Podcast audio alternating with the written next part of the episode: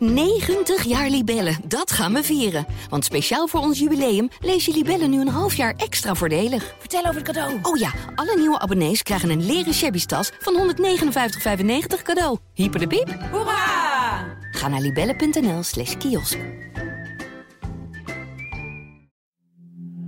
Dit is Elke Dag, een podcast van de Volkskrant. Mijn naam is Pieter Klok, hoofdredacteur van deze krant. De NAVO houdt van februari tot mei de grootste militaire oefening sinds het einde van de Koude Oorlog. De naam Steadfast Defender. Dergelijke oefeningen zijn op zich niets nieuws, maar de omvang en locatie ervan zijn ook bedoeld als afschrikwekkend signaal naar Moskou. En hoe staat het met de toetreding van Zweden bij de NAVO? Ik bespreek het allemaal uitgebreid met diplomatiek redacteur Arnoud Brouwers. Arnoud, om met die oefening te beginnen. Ehm, ja, er wordt gesproken over de grootste oefening sinds het einde van de Koude Oorlog. Wat gaan ze precies doen? Het belangrijkste wat ze eigenlijk oefenen is verplaatsing. Vanwege de gespannen situatie in Europa gaat de NAVO terug in zekere zin een beetje naar de tijd van de Koude Oorlog. In de zin dat ze zich voorbereiden op een groot conflict. Hè, van je moet daar rekening mee houden. Dat is de hoofdtaak van de NAVO. Hè, de verdediging van het verdragsgebied. Maar dit keer, uh, we leven in een andere tijd. En we leven ook in een tijd met zeer afgeslankte uh, Europese uh, militaire apparaten. En een tijd waarin de meeste landen de dienstplicht al lang hebben afgeschaft. Dus het gaat er wel een beetje anders aan toe. In de zin dat er zijn natuurlijk vooruitgeschoven posten in die oostflanklanden. Het, uh, Nederland zit al jarenlang met Duitsland in Litouwen. Maar de, de, plannen zijn de afgelopen jaren echt wel drastisch veranderd. In de zin dat er nu weer met regio's gewerkt wordt. Dus dat bijvoorbeeld de Nederlandse landmacht weet van als er een groot conflict is met Rusland, dan worden wij daar ingezet met die en die troepen. En daar kunnen we dus nu al op oefenen hè, met die landen en ook in dat gebied. Maar wat er ook uh, nodig is, is dat de landen, de troepen, de eenheden die ze hebben, dat die in een veel hogere staat van paraatheid uh, worden gebracht. En dat die eigenlijk veel sneller kunnen reageren dan zeg tien jaar geleden of vijf jaar geleden. En wat je ook nodig hebt, omdat er eigenlijk uh, heel ja, weinig gekazerneerde troepen langs die oostflank zijn, dat je dus heel snel moet kunnen verplaatsen. Nou, dat soort dingen wordt nu geoefend in deze oefening. Maar hoe bedoel je snel verplaatsen? Dus aan de ene kant uh, uh, moet elk land, weet elk land vanaf nu in welke regio's ze worden verwacht als een uh, oorlog uitbreekt. Dus we gaan zorgen dat ze er snel kunnen zijn. Maar dat derde element, dus op, op het moment dat je er bent, moet je ook heel snel kunnen verplaatsen. Is ja. dat, dat om een soort wendbaar leger te hebben? Nou, dat is, dat, dit heeft allemaal te maken met afschrikking. Dat concept kunnen we misschien zo meteen nog even nader op ingaan. Want dat is verschrikkelijk belangrijk in deze tijd. Maar verplaatsing, dat is gewoon heel simpel. Het vervoer van troepen waar ze nu uh, gekazerneerd zijn, ja. naar de plek waar ze worden ingezet. Dat betekent uh, en daar is de EU en Nederland in de EU is daar ook al jaren mee bezig, dat bijvoorbeeld alle logistieke barrières voor vervoer over de weg, of per uh, trein, of maar meestal gewoon over de weg, dat die ook weer helemaal opnieuw in kaart gebracht zijn. Uh, en dat, dat je opnieuw moet gaan kijken van is die brug wel stevig genoeg hè, uh, als er een tank overheen rijdt. Dat er opnieuw is gekeken naar allerlei bureaucratische hobbels die er waren. En het ding van ja, maar dat mag niet. Hè, je mag daar niet met zo'n uh, voertuig rijden. Dat al die dingen die moeten eigenlijk weer opnieuw opgeleid ja. worden om te zorgen dat als er een echt conflict is, dat je dan snel, zo snel mogelijk kunt verplaatsen naar het gebied uh, waar het conflict ja, zich afspeelt. En dat is nodig om het beeld helemaal compleet te krijgen, omdat, zoals je zei, er minder gekaserneerde troepen zijn. Dus vroeger waren die troepen zaten al meer op de plek waar ze uiteindelijk werden verwacht. Nou ja, de, de grens was natuurlijk anders, maar, maar er waren natuurlijk bijvoorbeeld ontzettend veel Amerikaanse troepen gewoon gelegerd in Duitsland, hè, in ja. West-Duitsland. Nu uh, zijn landen terughoudend. De Baltische Staten bijvoorbeeld en Polen, die hadden dat eigenlijk wel graag gewild. Hè, dat we dat nu min of meer weer zouden gaan doen. Maar eigenlijk zijn daar gewoon de middelen niet voor. Nee. Want als jij uh, echt duizenden en duizenden troepen gaat legeren in die landen. Ja, dan komen er ook enorme uh, kosten en investeringen en faciliteiten die je moet bouwen. Er komt heel erg veel bij kijken. Dus ze hebben besloten dat gaan we gedeeltelijk wel doen. Hè. Dus het, er komen inderdaad meer NAVO-militairen aan die oostflank. Maar de hoofdmoot, de ruggengraat van dit model is versterkingen aanvoeren. Ja. Nou, dat eigenlijk is wat er in deze oefening in de praktijk gebeurt. Want je kunt dan alles op papier zetten, maar ze willen ook wel eens zien of het dan ook echt werkt. Ja, en wat is, wat is jouw verklaring dat dat nu gebeurt? Want de oorlog is al bijna twee jaar gaande. Aanvankelijk leek het erop alsof Rusland misschien wel uh, Oekraïne zou overlopen. Dus dan zou de NAVO nog eerder bedreigd worden eigenlijk. Maar waar, waarom is die, wordt die noodzaak nu zo gevoeld om, om een uh, afschrikwekkend signaal te geven? Om duidelijk te laten zien dat we klaar zijn voor een eventuele oorlog? Nou, dit is niet uh, een kwestie van waarom nu uh, in januari of februari 2004. Dit is een kwestie van jaren. En dit is een kwestie die heeft te maken met ja, eigenlijk de grote transformatie van de NAVO. Uh, die eigenlijk jarenlang vooral bezig was met stabilisatiemissies op de Balkan, maar vooral in Afghanistan. Die nu echt een hele tournure maakt naar zijn oorspronkelijke taak, namelijk de verdediging van het NAVO-verdragsgebied. Daar heeft het mee te maken. En in 2018, lang voordat de grote invasie begonnen was, was er ook al zo'n soortgelijke oefening. Die worden elke paar jaar gehouden.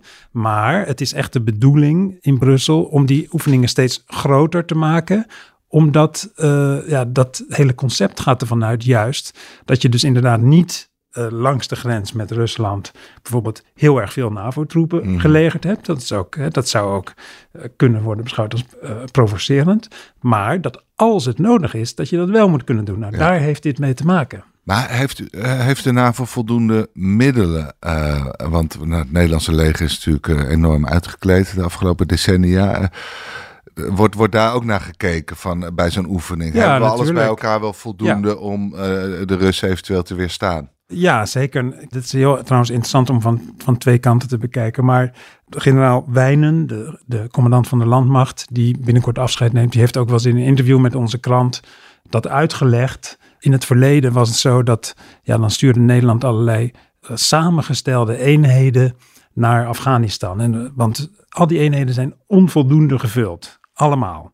Uh, dus dan was het een beetje, plukken we hier wat van en daar wat van. En dan maken we een soort pakketje en dat sturen we die kant op. Noemen we het misschien nog een bataljon of een brigade. Maar je moet niet te goed in de gereedschapskist kijken, want dan is die leger dan je eigenlijk zou willen.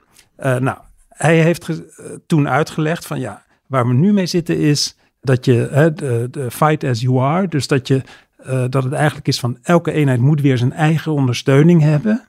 Dus niet van die moet je ergens zoeken. Die maar wat is, een eenheid, wat, wat, is een eenheid in dit geval? Is dat, is dat... Nou, dat zijn bataljons en brigades. Van de landmacht of, ja. of de luchtmacht ja. of de. Nou, de luchtmacht werkt met squadrons, met ja. gevechtsvliegtuigen. Maar de verandering is dat uh, het nu is van maakt niet uit wat je problemen zijn. Hè. Zo kijkt de NAVO daar naar. Van, jij zegt dat je die eenheid hebt. Dan als wij hem vragen, moet je hem ook kunnen sturen. En dan moeten ze heel snel kunnen vertrekken. Dus dat betekent dat ze veel meer nu, zeg maar, praktisch georiënteerd oefenen. En die moeten min of meer zelfvoorzienend zijn, die eenheden. Die moeten voor zichzelf kunnen Ja, maar dat is natuurlijk heel moeilijk. Want uh, na al die bezuinigingen, die zijn ook heel hard terechtgekomen in de logistieke ondersteuning. En in, ook in de plekken die sowieso moeilijk te vullen zijn. Bijvoorbeeld medische zorg. Mm. Hè, daar is een gigantische concurrentie in de burgersamenleving voor dit soort banen. Maar nu moet het allemaal eigenlijk weer opgelijnd worden. Ja, daar zijn ze mee bezig. Ja, dus dat is ook wel een duidelijk doel van de oefening. Dat elke lidstaat ook, ook kan zien van oké, deze bijdrage wordt van ons verlangd. Hebben we onze zaken op orde?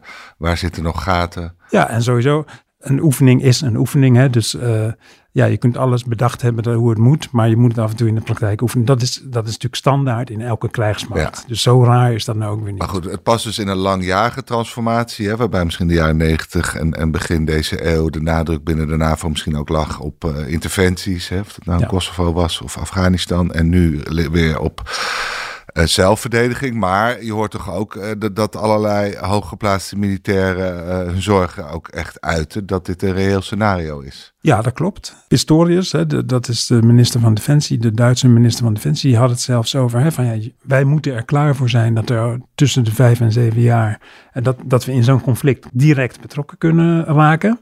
Andere landen hebben inschattingen die uh, eigenlijk dichterbij liggen. Hè, van het kan, die zeggen van het, kan, zou ook wel eens drie, drie jaar kunnen zijn of vier jaar.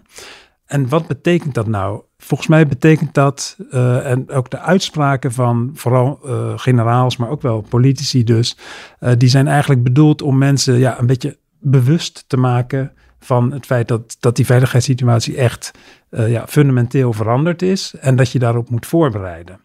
Deze week bijvoorbeeld heeft de secretaris-generaal van de NAVO, Stoltenberg, heeft ook weer gezegd van luister, er is echt niet sprake van uh, een, een uh, imminent risk van oorlog, van een, direct uh, gevaar dat er morgen oorlog wordt. Dat is ook eigenlijk niet de bedoeling van die waarschuwingen, denk ik, van die generaals. Die is anders, die is meer van je moet even een mentale omslag maken in de maatschappij. En niet alleen in je militaire zeg maar, organisaties in Europa, maar in de maatschappij als geheel.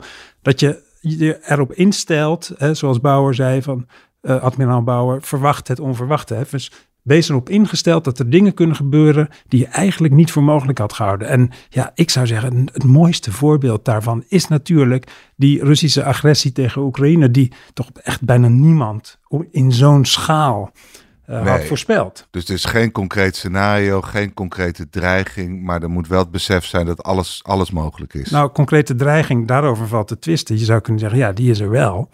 Rusland heeft natuurlijk zeer uh, agressieve retoriek, niet alleen tegen Oekraïne, die ook nog eens genocidaal van karakter is, maar ook uh, tegen de NAVO. Dus uh, die dreiging is er wel degelijk. En wordt die heviger, die, die, die retoriek jegens de NAVO? Nou, die is tijdens, of laten we zeggen sinds het begin van die grote invasie, is die natuurlijk veel heviger geworden. Ik bedoel, al die fantasieën uh, van, van uh, Poetins propagandisten op de Russische staatstelevisie. Die heb ik toen ik in Rusland woonde tot 2013 ook wel gezien. Hè? Mm -hmm. Van, oh, moet je eens kijken, New York kan zomaar in de as gelegd worden. Hè, dat wordt dan allemaal heel mooi in beeld gebracht. Uh, dus dat bestond altijd wel, maar dat, zeg maar de frequentie en de intensiteit van dat soort retoriek is echt dramatisch opgeschaald. Ja. En dat betekent dat die Russische maatschappij ook veel heel erg in een soort oorlogs gemoedstoestand wordt gebracht. Ja. Van, wij worden omringd door vijanden. We moeten wel terugvechten. En dit is een uh, gevecht om de beschaving. Maar dat wordt meestal wel uh, toch uh, over een conventionele oorlog nagedacht, toch? Of, of zijn er ook al scenario's, moeten we ook rekening houden... als we toch overal rekening mee moeten houden... dat het ook nog een nucleair conflict kan worden? Nou, ik had een jonge Duitse onderzoeker geïnterviewd, Fabian Hoffman. echt een slimme onderzoeker, zou ik willen zeggen. En die uh, wees erop, onder andere, en dat is natuurlijk heel vaak zo bij oorlogen, dat je eigenlijk nu kijk je naar deze oorlog in Oekraïne en denk je van, oh, de volgende zal ook wel zo zijn. Nou, dat hoeft natuurlijk helemaal niet. En zeker niet als het gaat om een direct conflict tussen Rusland en de NAVO-landen. Mm-hmm. Want als je die tegenover elkaar zet, dan is uiteindelijk, als de, de volledige Amerikaanse militaire macht zich doet gelden in Europa, dan uh, legt Rusland het op, met conventionele middelen af.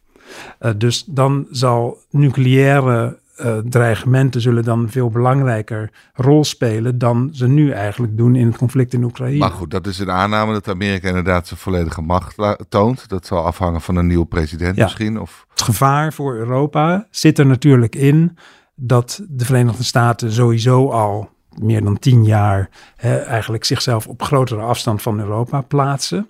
Uh, dat is uh, bij Obama heel duidelijk begonnen. Uh, en dat heeft natuurlijk onder Trump een hoogtepunt bereikt. En dat zeker met het risico van een terugkeer van Trump, we weten trouwens niet of dat gaat gebeuren, maar mm -hmm. hè, het, het kan wel. Dat Europeanen denken van, wacht eens even, uh, hoe staan we er dan voor? Ja. Uh, met een uh, Amerikaanse pre president die openlijk zegt en al eerder heeft gezegd tegen Europeanen van, ja, je moet echt niet denken dat wij jullie komen redden of verdedigen. Nee. En dat is natuurlijk eigenlijk een veel gevaarlijker scenario voor de Europeanen, omdat de Europeanen een totaal andere militaire basis hebben dan de Amerikanen. Zij hebben inderdaad wel lege munitiekamers, kleine legertjes, moeite met recruteren van nieuwe mensen. Uh, en dan is de balans opeens een stuk anders. En dan moet je heel erg gaan kijken van, stel dat het in Oekraïne helemaal fout gaat en uh, er wordt gedreigd naar West-Europese landen. Wat is dan de balans uh, tussen die twee machten. En staan we dan stevig genoeg in onze ja, schoenen om te zeggen... allemaal vragen, maar het antwoord is toch gewoon nee? Wij, dan zijn wij niet tegen Rusland opgewassen als de Amerikanen zich terugtrekken. Het belangrijkste in deze discussies, die, uh, dat, is, dat vond ik ook heel aardig van die Fabian, die dus maar 27 jaar is. Mhm. Die zei van, we moeten weer in Europa hierover gaan nadenken. Ja. En ook hardop gaan nadenken. We moeten ons, dit soort scenario's moeten we uh, ons uh, ja, realiseren en we moeten ons dus voorbereiden. Nu zul je altijd mensen hebben die zeggen, dat had je natuurlijk meteen al ook in Zweden, toen daar de, uh, de chef van de defensiestrijdkrachten Ja. daar zei van ja, pas op, Zweden kan in een oorlog betrokken raken. Van oké, okay, dit is paniekvoetbal, jullie zaaien paniek, want jullie willen de defensieindustrie steunen of zoiets. Uh, maar deze mensen hebben het eigenlijk over iets anders, denk ik. Dat gaat over het concept afschrikking. Dus afschrikking betekent dat jij je dermate goed voorbereidt. En dat is niet alleen militair, maar ook ja, eigenlijk mentaal en politiek uh, en maatschappelijk. Dat uh, jouw potentiële tegenstander denkt van, ik ga het toch maar niet doen. Want misschien hebben ze niet zulke slappe knieën als ik altijd dacht. Mm-hmm. Of misschien hebben ze wel de methodes gevonden om, ook al hebben ze kleinere legers, om toch uh, die slagkracht te doen gelden op het moment dat er een conflict is. Dus dat is denk ik heel erg waar ze mee bezig zijn. Militairen houden niet van vechten, want daar kunnen ze dood van gaan. Daarom houden ze heel erg van afschrikking. Ja. Namelijk, doe het zo dat het nooit van zo'n groot conflict, hè, dat het daar nooit toe komt. Ja. En daar hebben dit soort dingen, denk ik, mee te maken. Ja, en je noemde uh, Zweden. Hè? Ik geloof dat die uh, generaal, of het was het later ook nog op tv moest om de kinderen gerust te stellen. Die, die een beetje te veel in paniek waren geraakt door zijn ja. uh, teksten. Maar we hebben er twee bondgenoten bij, zou je kunnen zeggen. Zweden en Finland. Doen die allebei al mee aan die oefening? En hoe belangrijk Zeker. is het ja. dat, dat zij meedoen? Heel belangrijk. Finland uh, en Zweden zijn natuurlijk landen die vanwege hun gewoon geografische nabijheid van Rusland dit allemaal zeer serieus nemen. Die zitten mentaal veel meer in deze staat, ja, zeker en, Finland. Ja, ik vind het ook wel interessant om een andere reden. In het verleden werd natuurlijk vanuit, zeker vanuit West-Europa, heel erg uh, met een soort dédain naar die Baltische landen gekeken en ook naar Polen. Om maar te zwijgen van Oekraïne. Die kwamen hier al helemaal niet binnen. Met een soort houding van: jullie zitten altijd maar paniek te zaaien over dat Rusland en die Poetin. Houd toch eens een keer op. Wij zijn ja. hier met hele andere dingen bezig. En uh, wat je nu ziet, ook door die uh, Finse en Zweedse toetreding tot de NAVO, is eigenlijk dat, uh, nou dat argument was natuurlijk al helemaal, kon je al door de wc spoelen met alle gebeurtenissen van de afgelopen jaren. Maar nu heb je dus ook eigenlijk Noordse landen, uh, waar wij uh, met veel respect uh, ja. naar kijken doorgaans, die eigenlijk exact dezelfde boodschap hebben. En daar raken we toch intellectueel een beetje van in verwarring. En dan denk ik van, ja, misschien hebben we nog wel een punt. Ja, dus het is, het is niet alleen vanwege de, de, de legereenheden die ze hebben. Finland heeft natuurlijk een groot sterk leger. Uh, Zweden heeft, uh, nou, het ligt ook strategisch ja. vrij gunstig voor een oorlog. Maar het is misschien vooral mentaal heel belangrijk. Ook, ook allebei. En wat heel interessant is, bijvoorbeeld onze... Uh, generaals hier in Nederland en niet alleen in Nederland, die kijken met enige jaloezie naar hoe de Zweden een model hebben gecreëerd waarbij ze eigenlijk in korte tijd het aantal militairen enorm kunnen opblazen. Het gaat dan niet om de terugkeer van de dienstplicht, maar het gaat erom dat je jonge mensen, als ze 18 jaar zijn of worden, dat, dat ze een brief krijgen met een soort enquête en dat er wordt gepeild of ze misschien zin hebben om een jaar te dienen. En daar zit een soort opleiding, is dat. Daarmee wordt een soort reservoir gekweekt voor als het fout gaat, dan heb je toch allemaal mensen die ook eens een keer een geweer in hun hand gehad hebben en een soort basisoefening hebben gehad. En dat is enorm populair. Daar moeten ze elk jaar moeten ze mensen teleurstellen. Van sorry, ja. maar uh, uw kind kan helaas niet meedoen. Of sorry, of zeg maar, we kunnen jou helaas niet erbij hebben. Dat is heel populair, omdat het dat jaar ook weer goed is voor de carrière van die jonge Zweden die dat jaar gedaan hebben. Dus het is een soort uh, win-win situatie. Uh, nou, daar kijken ze hier verlekkerd naar. Nederland staat helemaal aan het begin van, van hele voorzichtige pogingen om ook dit soort dienjaar of dienrecht, uh, dit soort modellen te gaan gebruiken. Maar dat moet je langzaam opbouwen. Dus je kunt niet in één keer duizenden mensen uh, opleiden. Dan moet je ook faciliteiten en trainers, et cetera, voor hebben. Maar daar wordt wel naar gekeken als een soort tussenvorm, ja, waarmee je eigenlijk die ja. nijpende personeelstekorten die er ook zijn, kunt oplossen de komende Ja. jaren. Zijn er nog meer dingen die we van hen kunnen leren? Nou ja, dit is denk ik op het belangrijkste op dit moment, omdat het personeel een hele belangrijke factor is in die huidige plannen en omdat eigenlijk alle landen kampen met soortgelijke problemen. Ik las ergens dat de een Britse generaal had er weer gesuggereerd dat inderdaad misschien de dienstplicht terug zou moeten komen. Want dat is iets wat we ook wel eens vergeten.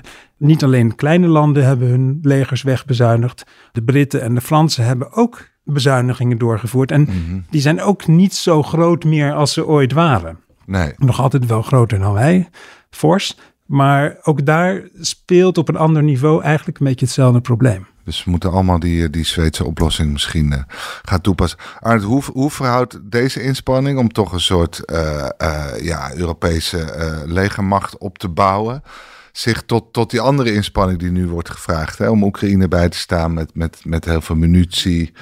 Eh, die, die moet gelijktijdig ook nog steeds plaatsvinden. En je hebt hier wel vaker geschetst dat dat moeizaam op gang komt. Dat die oorlogsindustrie in Europa, ja, die begint wel te draaien. Maar die moet eigenlijk, zou eigenlijk nog veel harder moeten draaien om eh, voldoende wapens die kant op te krijgen.